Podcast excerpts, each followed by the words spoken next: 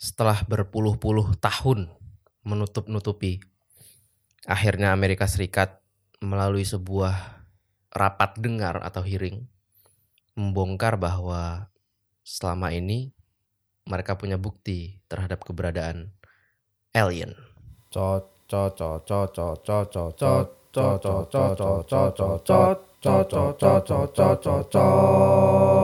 Cocot by Besok Kerja Podcast. Oi, selamat datang kembali di Cocot, sebuah segmen di Besok Kerja Podcast di mana gue membahas isu-isu yang sedang hangat di masyarakat dan gue tuh waktu bikin artwork podcast ini gue baru sadar bahwa ini nih udah episode ke 98 anjing. Kata gue ini ini udah la- lama banget ternyata gitu kayak udah hampir 100 episode dan gue baru sadar bahwa ternyata gue udah nge-podcast hampir 2 tahun dan eh exactly 2 tahun ya Juli Juli 2021 gue mulai. Dan ternyata memang konsistensi tidak berbuah apa-apa ya gitu kan. Sampai detik ini podcast ini nggak jadi apa-apa gue tidak terkenal gue tidak I don't make money from this. Dan apakah gue akan berhenti? Kita lihat saja sampai detik ini belum. Because I just I don't know I just I like it. I like talking to you guys. Eh, dan ya. Kali ini gua mau membahas tentang hearing mengenai eh, extraterrestrial activity yang baru saja dilaksanakan oleh Amerika Serikat mungkin di Indonesia berita ini tidak terlalu rame karena nggak tahu gua mungkin lebih menarik berita tentang Alshad Ahmad dan Keisha Lefronka dan kasus-kasus perselingkuhan artis. Tapi di luar negeri ini adalah berita yang bahkan gini ada gue baca satu berita ya bahkan dia bilang apa yang dilakukan sama Amerika Serikat ini mela- melaksanakan hearing ini itu merubah humanity merubah lonjakan teknologi kita ke depan gitu secara utuh secara global gitu. Karena akhirnya setelah berpuluh-puluh tahun Amerika tuh mengamini gitu ya. Mengamini itu maksudnya mengakui bahwa iya kami punya bukti bahwa alien itu ada gitu. Kenapa gue bilang akhirnya mengamini gitu? Ada ada istilah akhirnya mengamini. Karena itu tuh sama kayak kalau lu ngomongin kayak kejadian di Indonesia gitu ya bahwa kita pernah ada kasus pelanggaran HAM berat gitu di tahun 65 dan itu kan kita nih kita kita nih masyarakat secara utuh itu kan udah tahu faktanya kan gitu. Maksudnya udah tahu faktanya apa yang sebenarnya terjadi dan itu sangat berbeda dengan apa yang didoktrin oleh eh, orang-orang pada masa itu yang sampai sekarang doktrinnya masih berjalan. Dan kita tahu siapa yang bertanggung jawab kita tahu pelakunya siapa segala macam. Tapi tidak ada kata amin gitu. Dari orang-orang yang bertanggung jawab. Padahal kita tahu faktanya. Nah ini tuh sama sebetulnya. Bahwa keberadaan alien alien tuh apa ya? Gue menyebut alien tuh alien itu terdengar terlalu fiksi gitu. Alien eh non human non human ya tapi non human animal kan juga non human ya apa ya? Ya extraterrestrial lah extraterrestrial biologist. Itu tuh selama berpuluh-puluh tahun itu tuh udah terlalu banyak saksi terlalu banyak bukti terlalu banyak cerita terlalu banyak berita juga. Tapi dari semua yang terjadi semua saksi semua cerita semua bukti. Itu tuh nggak ada orang siapa pun ya. Entah itu ilmuwan entah itu eh, apa namanya. Kalau orang yang peneliti langit itu apa sih? Astronom atau apalah. Nggak ada kayak suatu klarifikasi dari orang-orang yang yang yang ahli gitu bahwa iya loh ada loh gitu. Sesuatu di luar sana yang kita tidak tidak bisa paham itu apa. Tapi itu datang ke sini gitu. Nggak nggak ada nggak ada klarifikasi itu sama sekali dari orang-orang tersebut. Yang ada adalah denying denying dan denying. Bahwa misalnya tuh ada pilot mengcapture suatu benda terbang yang tidak bisa dijelaskan. Terus akhirnya eh, apa namanya itu beritanya nyebar ke mana-mana. Nah klarifikasinya itu selalu dalam wujud ya itu tuh balon gitu itu tuh drone itu tuh layangan itu tuh burung itu tuh apa gitu. Padahal orang-orang tahu gitu ini tuh bukan bukan balon bukan drone karena apa? Karena ada karakteristik tertentu yang itu tidak bisa dijelaskan. Contoh bendanya berwujud piringan atau spherical gitu bulat gitu ya dia itu berada secara statis di satu titik selama beberapa menit gitu ya. Terus setelah dia berada di suatu titik selama beberapa waktu tertentu, terus tiba-tiba dia melesat aja gitu, set, melesat dengan kecepatan yang yang tidak wajar gitu. Jadi cepet banget dan set hilang gitu.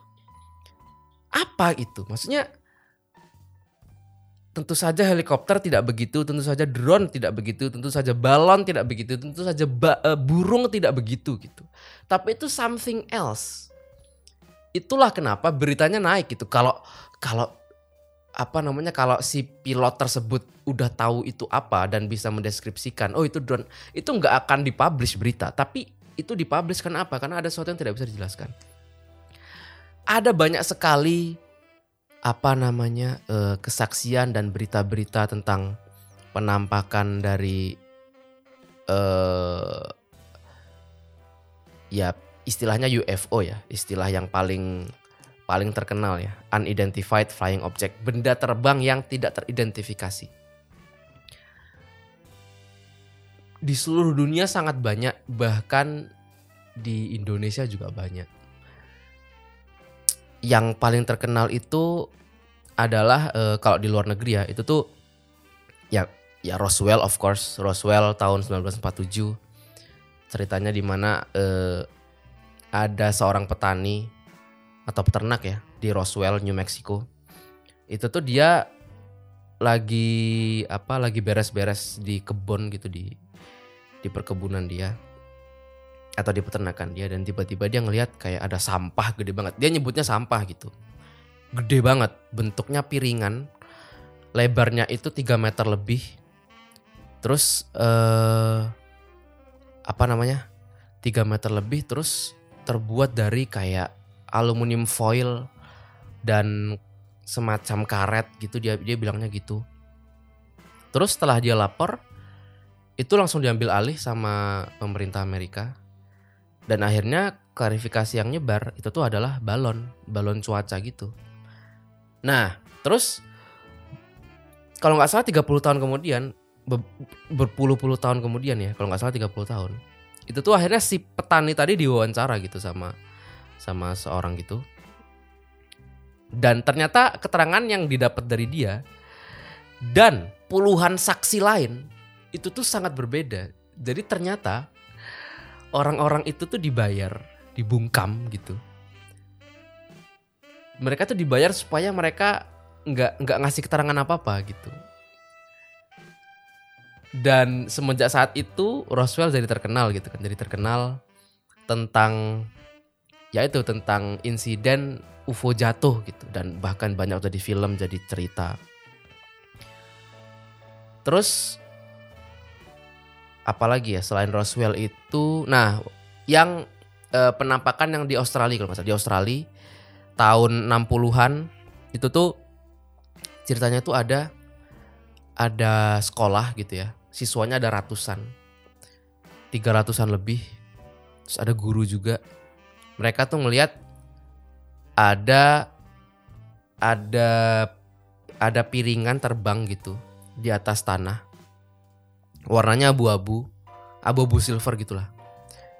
Nah, itu tuh ada tiga biji, ada tiga biji, oke, ada tiga biji terbang melayang di atas tanah. Cuman orang yang melihat pada waktu itu nggak tahu itu tuh rendah apa tinggi karena itu terlalu terlalu besar aja gitu, terlalu terlalu aneh. Sampai diceritakan bahwa ada yang ada yang pingsan gitu ya. Ada yang sakit gitu karena karena shock, karena shock melihat fenomena tersebut. Dan itu ada 300 lebih orang yang lihat gitu. Maksud gua kalau orang lihat kuntilanak kan nggak sampai 300 ya gitu. Itu pun lebih banyak yang percaya gitu. Ini ada 300 orang. Tuh itu yang di Australia. Ada satu lagi, ada satu lagi. Itu di di di Phoenix, di Amerika. Di Phoenix, Arizona. Itu mungkin mungkin lu setidaknya lu pernah lihat fotonya. Jadi ada kayak ada kayak formasi terbang gitu di langit. Bentuknya V. Bentuknya V tapi itu ada beberapa ada beberapa benda terbang yang membentuk formasi menyerupai huruf V gitu. Nah, itu yang ngeliat banyak banget. Ada berapa apa ada berapa ribu gitu yang lihat. Ada seribuan orang gitu kalau nggak salah yang lihat. Tahun 90-an kalau nggak salah 97. Itu satu kota ngeliat gitu. Ada ribuan orang lihat. Maksud gua kalau sepanjang puluhan tahun ini gitu ya, ada sekian banyak fenomena penampakan, sekian ribu saksi. Kok bisa nggak ada orang nih, samuan lah gitu, yang kemudian muncul ke permukaan dan bilang kayak, iya, jadi memang ada nih aktivitas ekstraterestrial. Tapi mohon maaf nih kita nggak tahu itu apa, tapi ada gitu loh. Nah makanya apa yang terjadi di Amerika waktu hari Rabu kemarin yaitu rapat hearing mengenai UFO ini itu menjadi lompatan dalam humanity dan teknologi gitu bahwa akhirnya ada pembicaraan ini secara terbuka akhirnya ada orang yang mengakui bahwa ini beneran loh gitu. Ini beneran ada. Nah, jadi buat lo yang belum tahu, jadi di Amerika itu tuh ada yang namanya uh, kongres hearing gitu. Uh, apa ya istilahnya ya? Istilahnya tuh kalau nggak salah uh, hearings atau apa gitu. Jadi fungsinya itu adalah congressional hearing itu adalah suatu pertemuan atau suatu meeting lah atau rapat dengar gitu.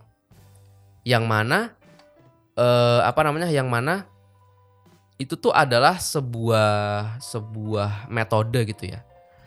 Sebuah metode yang dilakukan oleh Kongres Amerika untuk untuk e, mengumpulkan informasi gitu ya, mengumpulkan dan menganalisa informasi dari pihak-pihak ahli gitu ya sebagai tahap awal untuk membuat suatu kebijakan atau suatu policy gitu. Kongres itu kan kalau di Amerika itu adalah e, apa namanya adalah semacam legislat, legislatif gitu.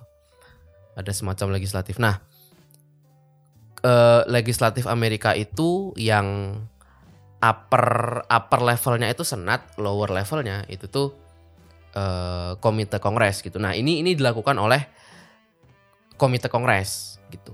Jadi mereka mengundang tiga saksi, uh, yang tiga tiganya itu adalah orang yang punya pengalaman, uh, punya punya punya pengetahuan, punya kemampuan punya pengalaman tentang penelitian terhadap uh, objek uh, UFO ini atau unidentified flying object. Ada tiga orang. Ryan Graves. Ryan Graves itu dia mantan pilot, mantan pilot angkatan laut. Nah, dia itu eh, bersaksi tentang dia itu waktu pelatihan dia itu menghadapi kayak ya UFO lah UFO gitu. Cuman kalau di hearing kemarin UFO itu istilahnya adalah UAP, Unidentified Aerial Phenomenon gitu, UAP, UAP. Terus yang kedua itu adalah David Braver. Dia itu eh, komandan, terus eh, pilot angkatan laut juga, dan dia pernah melihat eh, objek objek benda terbang itu dan mungkin kalau lu kalau lu ingat tahun tahun 2004 tuh ada penampakan video UFO di California Selatan. Nah, itu orang ini nih si David Braver ini. Nah, terus yang ketiga dan yang paling anjing itu adalah si David Grush. David Grush itu dia eh, mantan pejabat angkatan udara dan juga intelijen. Dia intel- eh, mantan intelijen Pentagon yang bertugas untuk menginvestigasi eh, UAP ini. Nah, dia dia itu sebelumnya pernah diwawancarain sama salah satu media Amerika, news station. Dan dia di situ terang-terangan bilang kayak pemerintah itu menutup-nutupi menutup-nutupi apa yang mereka tahu tentang UAP gitu. Dan itu adalah langkah yang sangat berani dan dan kalau nggak salah gara-gara itu dia sampai di ya di kayak ditekan gitu diancam dibunuh dan segala macam nah akhirnya dibukalah kongres ini gitu. Eh, dibukalah hearing kongresional ini gitu. Mereka bertiga diundang oleh kongres untuk membuat kesaksian. Dan karena ini adalah suatu metode resmi dalam pembuatan policy akhirnya mereka diberi jaminan gitu jaminan keamanan lah gitu bahwa semua informasi yang mereka bongkar itu tuh mereka mereka keamanannya akan dijamin lah gitu oleh pemerintah dan semua yang mereka sampaikan di meeting tersebut itu tuh dilakukan di bawah sumpah. Jadi mereka disumpah. Gua minum dulu bentar.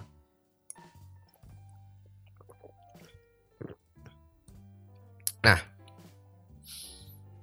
dari hearing tersebut, kalau lu tonton full itu lebih dari dua jam. Tapi gua berusaha untuk merangkum, bukan kalau merangkum nggak bisa juga sih, menyampaikan poin-poin terpenting dalam hearing tersebut. Yang mana gua kalau, aduh, gua tuh gue memang nggak nggak nonton full ya. Tapi gue tontonnya skip skip gitu. Dan juga gue nonton banyak sekali potongan video dari hearing tersebut gitu. Dan gue berusaha untuk eh, merangkum ada empat empat poin gitu eh, empat atau lima poin terpenting dari hearing tersebut yang mana sampai sekarang gue tuh masih kayak anjing ah ini ngeri banget gitu dan ini kebanyakan dari si si David Grunge, si mantan eh, angkatan udara dan intelijen Pentagon itu.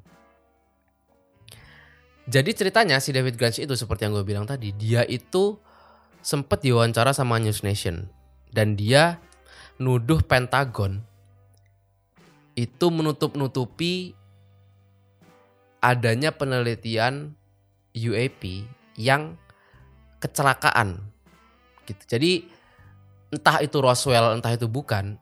Jadi tuh pernah ada UFO kecelakaan, jatuh gitu.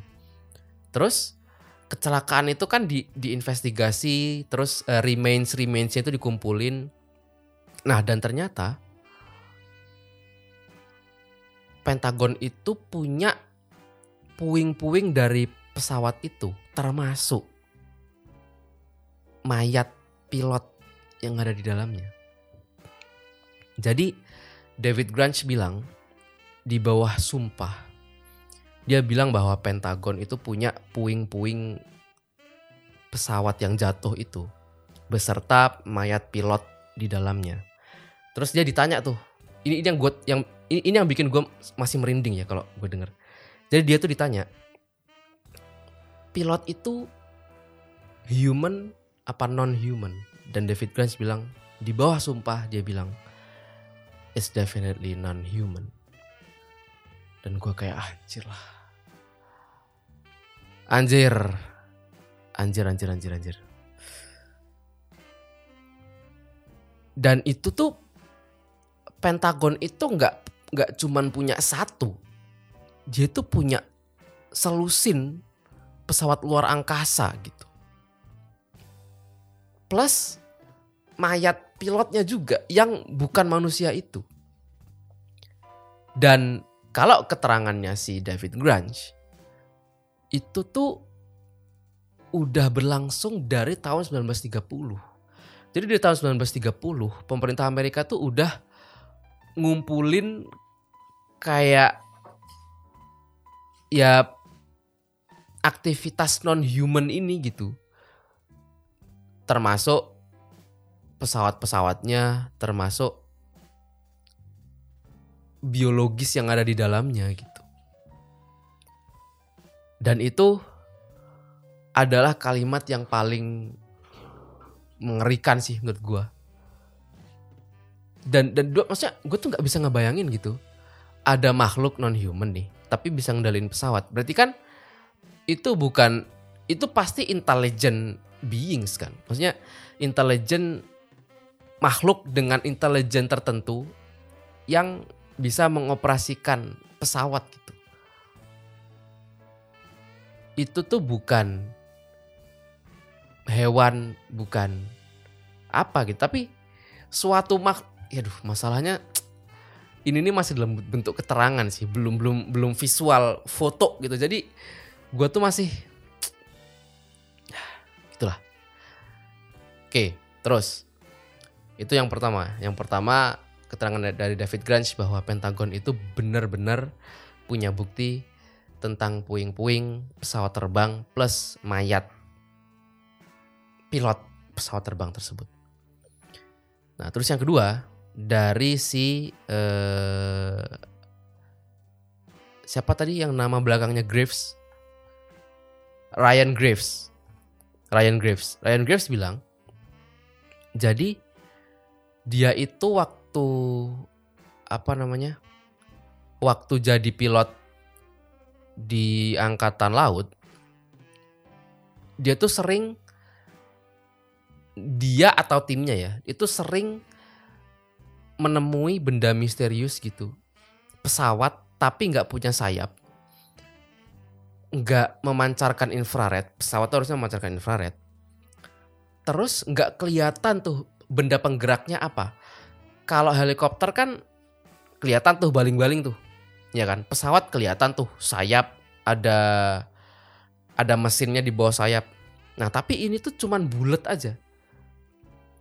Bulat atau ku, kubus gitu. Bulat atau kubus. Dan nggak nggak kelihatan penggeraknya itu apa tapi dia terbang. Nah habis itu setelah diamati dan dan itu nggak cuma sekali ya nggak cuma sekali. Jadi tuh bulat ini atau kotak ini itu tuh kayak melayang terus melesat aja. Yang kayak kayak gue bilang di awal tadi jadi melayang terus melesat aja kenceng set hilang gitu. Dan bahkan di salah satu tangkapan radar itu tuh dia bilang bahwa pesawatnya itu seukuran lapangan sepak bola lapangan sepak bola tuh 120 meter kali 80 ya? Eh yang sih? 120 kali 80 atau 140 intinya gede lah. Ya terus dia juga menggambarkan uh, video yang tahun 2004 bahwa pesawatnya itu bentuknya oval warnanya putih halus nggak ada pintu, nggak ada jendela. Dan aktivitas terbangnya tuh aneh sama kayak tadi gitu. Terbang nggak nggak kelihatan alat penggeraknya apa tapi terbang terus melesat hilang gitu. Itu tuh kayak nih kalau kalau detailnya yang dia sampaikan ya. Jadi dia tuh melayang di atas laut sekitar 12.000 kaki. Terus abis itu set melesat menghilang dan pas terdeteksi semenit kemudian tahu-tahu dia udah di 60 mil jauh di sana gitu. Jadi dia kan pilot ya, maksudnya dia tahu tuh teknologi tercanggih penerbangan di dunia ini apa gitu dan apa yang dia saksikan itu itu tuh adalah teknologi yang sama sekali kita belum punya dan itu nggak bisa dijelaskan. Nah, terus poin ketiga, poin pertama tadi eh, kesaksian bahwa Pentagon menutup-nutupi, yang kedua adalah eh, apa namanya benda-benda terbang ini itu jelas bukan dari bumi karena teknologi itu kita belum punya. Nah terus yang ketiga orang-orang yang memberikan kesaksian whistle whistleblower ini itu tuh selalu dihantui oleh ya kalau di sini tuh ya tukang bakso yang lewat di depan rumah gitu. Jadi kenapa mereka selama ini bungkam? Karena ada teror gitu yang e, membahayakan dirinya, keluarganya dan nyawanya gitu. Jadi kayak David Grush itu waktu dia speak up di bulan Juni kemarin di News Nation itu, dia tuh bilang dia itu mendapat terorisme administratif gitu. Jadi dia itu diteror oleh I don't know oleh siapa ya, mungkin pemerintah, mungkin siapa. Karena dia speak up gitu, membocorkan rahasia. Jadi kenapa pemerintah itu sampai melakukan hal-hal seperti itu kalau ini tuh tidak benar gitu. Kalau nggak benar mah ya udah gitu. Kalau hoax mah ya udah tinggal klarifikasi. Cuman kan kalau sampai uh, sampai bertindak sejauh ini berarti there's something yang emang ditutup-tutupi gitu. Nah, terus poin berikutnya dari David Grunge. Po, ini berapa nih nomor? Nomor 4, nomor 4. Jadi ini kan udah berpuluh-puluh tahun ya. Dia bilang tadi dari tahun 1930.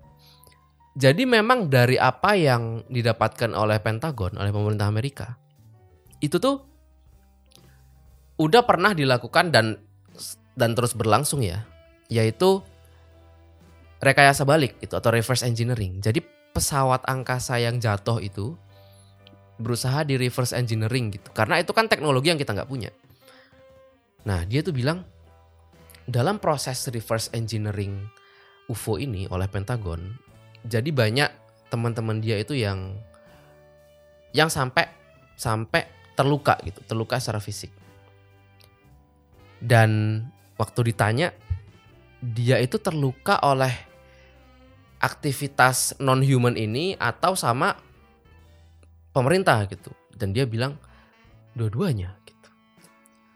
Terus dia diminta untuk uh, mendeskripsikan uh, itu tuh luka seperti apa yang dialami oleh teman-temannya itu. Dan dia bilang kayak apa yang dia lihat, apa yang istrinya lihat itu tuh very very disturbing. Dan gua kayak anjing. Aduh ya Allah serem banget. Serem banget kayak. Jadi tuh lu bayangin ya. Uh, ketika ini pesawatnya dibongkar terus berusaha dipelajari dan di reverse engineering itu sampai melukai orang-orang tersebut. Gua gua nggak kebayang apa ya. Apakah tiba-tiba dia nembakin laser otomatis gitu atau ada mesin muncul apa gitu sampai melukai orang dan dia bilang very very disturbing. Terus poin terakhir yang kelima adalah dia bilang hearing ini tuh hanyalah permulaan gitu. Jadi setelah ini akan lebih banyak lagi bukti-bukti yang keluar. Dan bahkan dia bilang kayak dia akan kasih list vendor-vendor dan lembaga-lembaga yang terlibat. Dia punya listnya komplit. Dan dia bilang kayak seandainya ini adalah tidak public hearing gitu ya maksudnya. Seandainya ini adalah ruang tertutup, dia akan share lebih detail gitu. Tapi karena itu adalah public hearing dia masih belum bisa. Mungkin karena dia habis diteror oleh eh, pemerintah sana gitu. Jadi dia memilih untuk ya masih memilah-milah informasi apa yang mau dia sampaikan. Dan menurut gua dari lima dari beberapa poin tadi tuh udah anjing lah. Serem banget sih. Dan seperti yang gue bilang di awal tadi bahwa apa yang terjadi di hearing ini itu tuh menjadi langkah baru dalam humanity dan teknologi gitu. Karena selama ini eh, setelah ini harapan gue akan muncul kayak eh, bukti-bukti yang lebih resmi gitu. Entah itu dokumen entah itu foto entah itu video yang yang lebih menjelaskan lagi sebetulnya apa yang terjadi kenapa ditutup-tutupi. Karena anjing. Gua gua memutuskan untuk eh membuat dua episode gitu tentang alien. Episode pertama tuh yang sekarang episode kedua tuh nanti di mana gua akan menjelaskan kenapa gua percaya alien dan kenapa gua sepercaya itu gini semenjak gua tahu alien gue tuh nggak pernah nggak percaya gue selalu percaya bahkan percayanya gue terhadap alien itu beyond dari yang lu bayangkan. Karena gue pernah lihat UFO ah gue gua akan cerita di di episode selanjutnya. Gimana pengalaman gue ngeliat UFO tapi yang berusaha gue sampaikan adalah eh apa yang terjadi di hearing Kongres Amerika ini bener-bener apa ya melegakan gue gitu bahwa ternyata apa yang gue lihat gua lihat waktu itu tuh bukan imajinasi bukan halusinasi bukan apa tapi emang ada dan gua kan gini, gue kan nggak percaya hantu ya. Gue tuh nggak percaya hantu, gue nggak pernah takut hantu. Dan padahal hantu kan secara saksi lebih sedikit, tapi lebih meyakinkan kan gitu. Sedangkan kalau UFO kan saksi lebih banyak, tapi somehow tuh lebih tidak meyakinkan. Nah gue, gue tuh nggak percaya hantu tapi percaya alien gitu. Karena menurut gue selain karena gue pernah punya personal experience, menurut gue pembuktian teknologinya lebih dekat daripada hantu. Mungkin hantu juga ada, tapi pembuktian teknologi hantu itu lebih sulit gitu karena susah gitu menjelaskan uh, kenapa hantu bisa terbang, bisa menembus dinding, bisa apa gitu. Itu itu lebih sulit dibuktikan. Tapi kalau UFO tuh lebih dekat. Buktinya penelitiannya udah berlangsung lama kan di Pentagon gitu dan semoga sih ke depannya akan makin banyak bukti-bukti yang disajikan sih oleh uh, tahap selanjutnya. Oleh David Grange, oleh uh, Graves dan juga siapa siapa tadi namanya? Si Vrever dan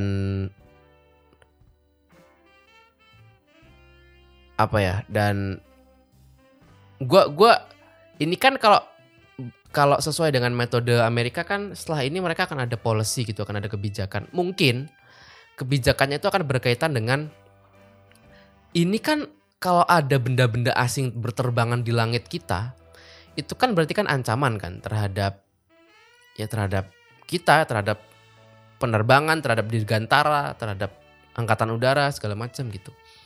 Dan memang harus ada kebijakan kan. Nah, itu sebetulnya. Jadi bukan orang-orang itu kepo doang atau apa enggak. Ini harus ditindaklanjuti gitu karena ada orang mata-mata aja dianggap serius kok apalagi ini mata-mata dari luar planet gitu. Pasti kan harusnya awarenessnya lebih tinggi gitu. Ah udah, kita lihat saja uh, bagaimana tahap selanjutnya dari hearing ini dan jangan lupa uh, mungkin dua hari lagi atau tiga hari lagi gua akan publish episode kedua dari pembahasan alien yang mana gue akan membahas alasan-alasan kenapa gue selalu percaya terhadap keberadaan alien, melebihi kepercayaan gue terhadap hantu-hantu dan supranatural.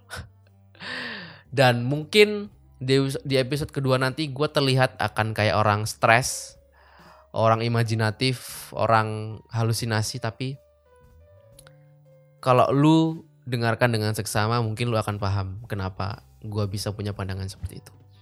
Itu aja buat episode kali ini. Semoga bisa memberikan pencerahan dan semoga bisa menghibur. Dan gue berharap semoga pembicaraan tentang UFO ini di Indonesia terutama ya. Itu bisa keangkat gitu melebihi pembahasan artis-artis selingkuh dan harimau mati Alsat Ahmad gitu. Walaupun gue nanti akan bahas juga sih harimau Alsat Ahmad mati. Tapi semoga pembicaraannya lebih luas lagi lah karena karena seru bro, seru banget tuh ngomongin yang begini-begini. Oke, itu aja buat episode kali ini. Apabila ada kritik dan saran silahkan kirim email ke besokkerjapodcast@gmail.com besok kerja podcast at gmail.com atau DM ke Instagram at Fatian Pujakesuma at F A T H I A N Pujakesuma. Sampai jumpa di episode selanjutnya. Fatian Hafiz signing out. Bye bye.